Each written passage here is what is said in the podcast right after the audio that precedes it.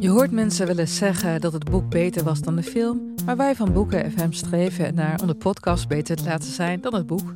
Wij lezen de klassiekers die je nog niet gelezen hebt. We lezen de boeken die je heel graag wil lezen, maar waar je eigenlijk voor schaamt om in het publiek mee gezien te worden. We lezen de Libris-winnaars. Uh, we praten over de Nobelprijslariaten. Allemaal zoals je een etentje hebt, dat je moeiteloos mee kan praten en dat het lijkt alsof je helemaal belezen bent. Wij zijn Ellen, Joost en Charlotte van Boeken FM en je kunt ons luisteren in je favoriete podcast-app.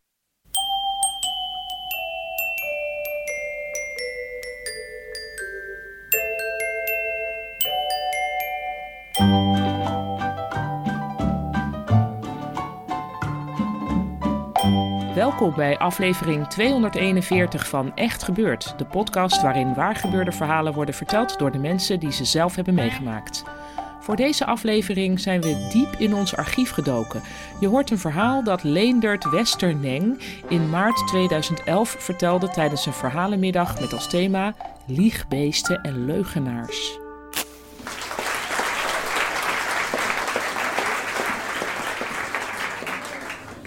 Ik was eh, 16. Ik woonde bij mijn ouders. En ik weet eigenlijk niet meer precies waarom, maar ik wilde per se weg. Gewoon, ze sloegen me niet en ik werd ook niet geïntimideerd. En, en, en, ik werd ook niet seksueel misbruikt. Ik snap het nog steeds meer. Ik wilde weg. Terwijl het zulke lieve mensen zijn. En mijn vrienden, die waren allemaal veel ouder. Want ja, ik had nogal wat toestanden op scholen... waardoor ik er van af werd getrapt en zo. En toen ging ik naar allerlei andere scholen. En daar waren al mijn klasgenoten veel ouder. Dus daar had ik al zoiets van, ja, jeetje, 15. En zij zijn 18, 19, ja, daar doe ik niet mee. Dus ik had al het liegen een beetje door van... ik moet me in ieder geval ouder voordoen dan ik ben.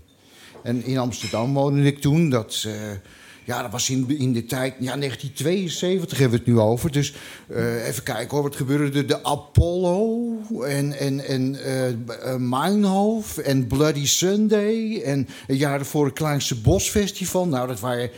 Oh, wacht even. En uh, er was een windhoos op Ameland. Een windhoos. De caravans vlogen door de lucht en ik zag het vanaf de Schilling. En dat is niet gelogen. Ehm, ja, ik was dus daar in Amsterdam bij al die vriendjes van mij die in kraakpanden woonden. Maar dat, ja, ik weet niet hoe dat nu is in de kraakbeweging. Maar dat was toen echt, het waren, die, die woningen die waren gewoon onbewoonbaar verklaard. Het water dat stond tot aan de trap. En er zaten allemaal ratten op de trapje aan te kijken als ze daar binnenkwamen. En het stonk constant en het was te donker. En er was geen gaswater en elektra. Zij woonden daar. En ik had zoiets van, ja, dan is het thuis toch nog niet zo heel erg beroerd. Maar ik wilde nog steeds weg. kwam een meisje tegen bij het uitgaan. Ik geloof hier in Paradiso of op, in de Melkweg. In ieder geval, meisje zat daar stil. Eh, een beetje verdrietig te kijken. En ik voelde me ook niet zo heel lekker. Dus dat klikte wel. En toen kregen we verkering. En zij woonde in een tehuis voor zeer moeilijk opvoedbare meisjes. En ik mocht daar wel één keer in de week in het weekend een uurtje op visite komen. Dat was net een soort gevangenisregime. Maar de verkering zette toch door en we hadden zoiets van... nou, weet je wat, dan uh, kunnen we misschien wel in Eindhoven gaan wonen. Want daar kwam zij vandaan. En we gingen daar wel eens naar feestjes in een kraakpand. En in Eindhoven was alles veel goedkoper dan in Amsterdam. Dus we hebben een advertentie gezet in het Eindhovens Dagblad. Jong stel zoekt woonruimte. Nou, daar horen we nooit meer iets van natuurlijk. Maar Twee dagen of drie dagen later belt er een meneer met ja, een beetje Indonesisch accent. Van eh, ja, jong stel Amsterdam. Jullie kunnen wel komen eh, praten, want onze dochter die woont op kamers in Amsterdam en die heeft het zo goed getroffen. Zo zulke aardige mensen, we willen wel wat terug doen voor de Amsterdammers. Dus eh, shit, dan gaat het echt gebeuren, zeg. Want ik, het was eigenlijk meer een opwelling van, nou ja, dat zal ook wel niks worden. Dus ik 16, mijn vriendin ook, nou net 17. Wij dus met de trein en lift ons, eh, want zoveel centen hadden we natuurlijk ook niet, naar Eindhoven. Komen we daar in een juwelierswinkel. En achterin een kantoortje. En er zit zo'n kleine, beetje beverige meneer. Die zit daar aan een tafel over de rand van zijn bril naar ons te kijken. En zijn vrouw was een beetje zo'n pronte, echte uh, Nederlandse mevrouw. Zo, ja, dus uh, Jullie uh, willen hier komen wonen. nou, in ieder geval, het, we kregen het wel, maar ik moest naar de kapper. Want ja, ik was, uh, om ouder te lijken, was ik ook een echte hippie in die tijd. Dat kun je juist niet meer voorstellen. Maar ik had zo'n bos met haar. Echt een soort afro-kapsel. Ik had uh, allemaal kettingen om en sjaaltjes om en armbanden om. En ik liep op teenslippers en ik had een kapotte spijkerbroek die veel te strak zat. En ik had een gescheurd t-shirt wat helemaal gebleekt was. En ik kwam daar in Eindhoven en die mensen hadden zoiets van... ja, ja, we hebben het beloofd dat we iets voor Amsterdammers willen doen... maar dit gaat wel heel erg ver. Dus ik moest naar de kapper en ik moest me netjes aankleden. En dan zouden we het contract krijgen. Maar ja, uh, we moesten ook nog een maand huur als borg betalen, contant. 600 gulden dus alles bij elkaar. Want we konden voor 300 gulden een heel huis huren. Nou, in ieder geval heel heleboel gedoe. Wat geld kunnen lenen. Uh, ja, als je zo jong bent, heb je natuurlijk geen rode rotcent. Een, een, een, een ex-groepsleidster, directrice van dat tehuis... die ons wel aardig vond, die heeft het busje betaald... en die heeft ons ook gereden. Want ja, rijbewijs hadden we natuurlijk ook niet. Dus het was allemaal, huppakee, gaan met die banaan... we gaan in Eindhoven wonen. Zit je daar in Eindhoven, in Woensel. Dat is een wijk waar ja, uh, Philips een heleboel huizen had neergezet... Uh, voor de mensen die bij Philips braaf iedere dag hun werk gingen doen... Dus wij zaten op de grond bijvoorbeeld. Hè, dus gewoon, waren, ja, bankstelden, dat is burgerlijk. Dus wij zaten op de grond met zo'n laag tafeltje wat ik zelf had gemaakt. En de mensen die langskwamen op de fiets... die reden bijna tegen de lantaarnpaal op... omdat ze mensen op de grond zagen zitten. Dat was een beetje de sfeer in Eindhoven. Dus we waren daar echt helemaal uh, vreemd in die buurt en in die stad dat, dat hele hippiegedoe, dat was nog niet zo doorgedrongen in Eindhoven. En ik moest dus werk hebben. Oh, ja. Uh, eh, 16 jaar. Nou, dat is wel erg jong. Heb je een school afgemaakt? Uh, nee. Uh, zie je er altijd zo uit? Ja. wat kun je zoal? Nou, zegt u het maar. Dus dat lukte ook niet zo hard met het werk zoeken. En na een paar weken geld op. En toen was het echt spannend geworden. Want ja, opeens zo van: hé, ik ben bij mijn ouders weg. Zij is uit het tehuis weg. We hebben alles achtergelaten, we hebben geld geleend. We zitten hier in the middle of nowhere. En dat gezellige kraakpand met die feestjes, ja, dat levert ook geen geld op. Dus er moet iets gebeuren. En al die uitzendbureaus en het arbeidsbureau en zo, die hadden allemaal zoiets van: ja, ja nou sorry jongen, maar uh, ja, er is gewoon niks. Ha, fijn, ik had in Amsterdam op de grafische school gezeten één uitzendbureau zocht een offsetdrukker. Oh ja, wacht even. Ik had in het basisjaar, moest je al die dingen een keer doen. Hè? Ja, offsetdrukker, misschien moet ik het voor sommige mensen nog uitleggen. Dat, een apparaat wat draait en dan gaat er inkt op en papier in. En aan de andere kant komt er dan een blaadje of zo uit. Ik bedoel, het is allemaal geen printers en internet. Het was allemaal nog handwerk.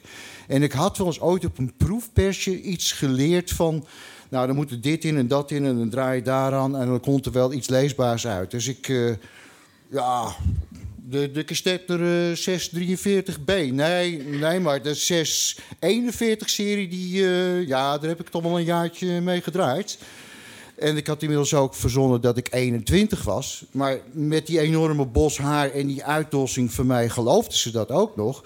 Dus ik kwam daar als 16-jarige, als 21-jarige bij het uitzendbureau vertellen dat ik dat, die pers en die snijmachine en die uh, belichtingsmachine en die film, uh, nou, dat lukt wel. Dat, ik weet het misschien niet allemaal, maar nou, ik heb het allemaal wel vaker gedaan. Dus ik, ja, dezelfde middag nog op gesprek bij Philips natuurlijk, hè, want ja, Eindhoven, ja. En ik denk van, oh god, oh god, wat heb ik nou weer verzonnen? Want nou moet ik bij de baas van de drukkerij gaan solliciteren. Ik ben 16 jaar. Ik weet er eigenlijk geen moer van. Ik val meteen door de mand. Maar ja, dus ik op de fiets gewoon. Oh god, oh god, oh god, wat moet ik daar nou zeggen? En die man had er helemaal geen verstand van. Die man organiseerde daar uh, wat ze nu uh, seminars noemen en zo. Maar toen heette dat geloof ik nog gewoon bijeenkomsten of zo. Nou, in ieder geval, uh, die deed allemaal organisatorische toestanden in een grote zaal.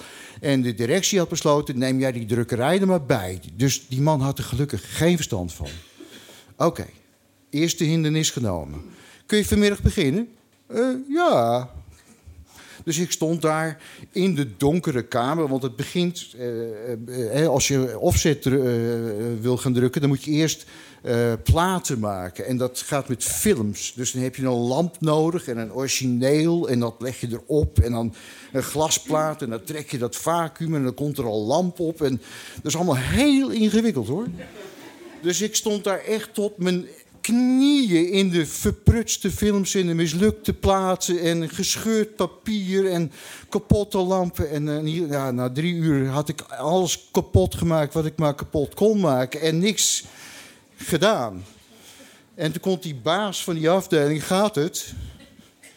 Uh, nou, nee, want volgens mij is er toch iets met de parallel dwarsdrukgeleiderstang van die uh, inseminator van die kastetter uh, 66 af.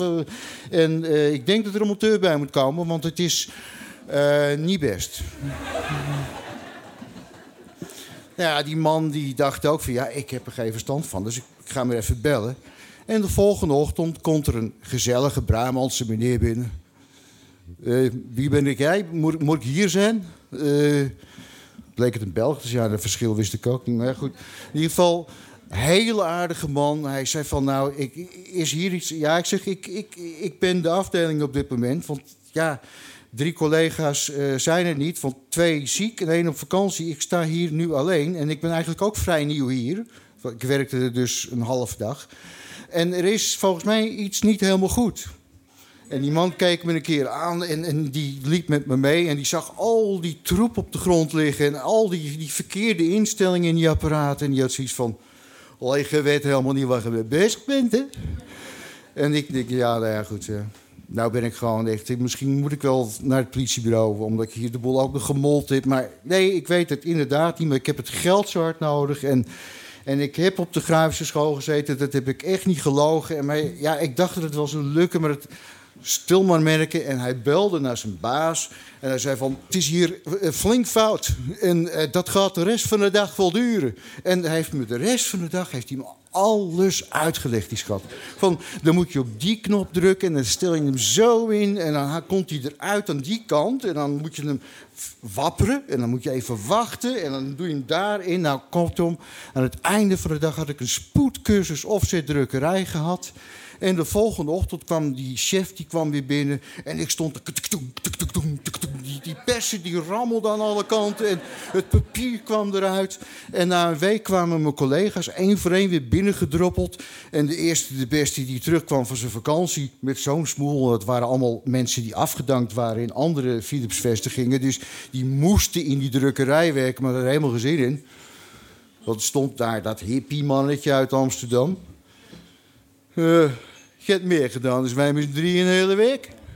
Dus ik bleek daar ongelofelijke productie gedraaid te hebben. De kwaliteit was nog nooit zo goed geweest. De klanten waren tevreden. En het eerste wat ik moest doen was gewoon niks meer doen. Toen ze alle drie terug waren, was het van... jij gaat koffie halen, we gaan toepen. Ken je bonaken? Nou, dat ken ik nog niet. Ja, bonaken heb ik ook geleerd. Koffie halen, bonaken, toepen. En we hebben de, de, de kast van de balie dwars geschoven... zodat de interne klanten niet meer op de werkvloer konden kijken.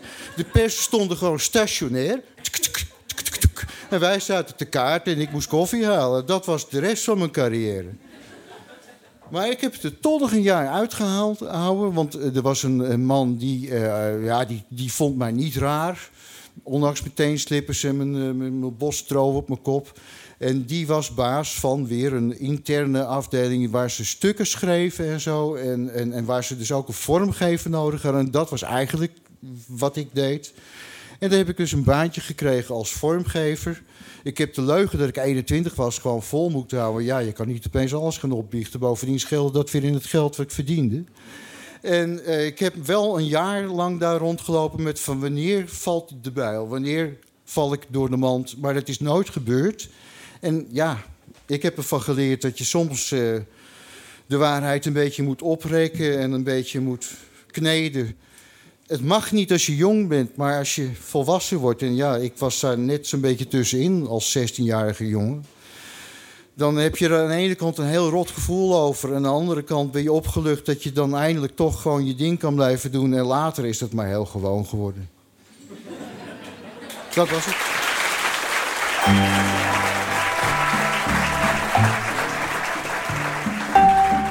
Dat was een verhaal van Leendert Westerneen. Leendert is belastingadviseur, gastheer, percussionist en verhalenverteller in de Hope Church. Als ik groot ben, mailt hij ons, wil ik filosofierapper met een gospel blues inslag worden. Daarvoor ben ik inspiratie en moed aan het verzamelen.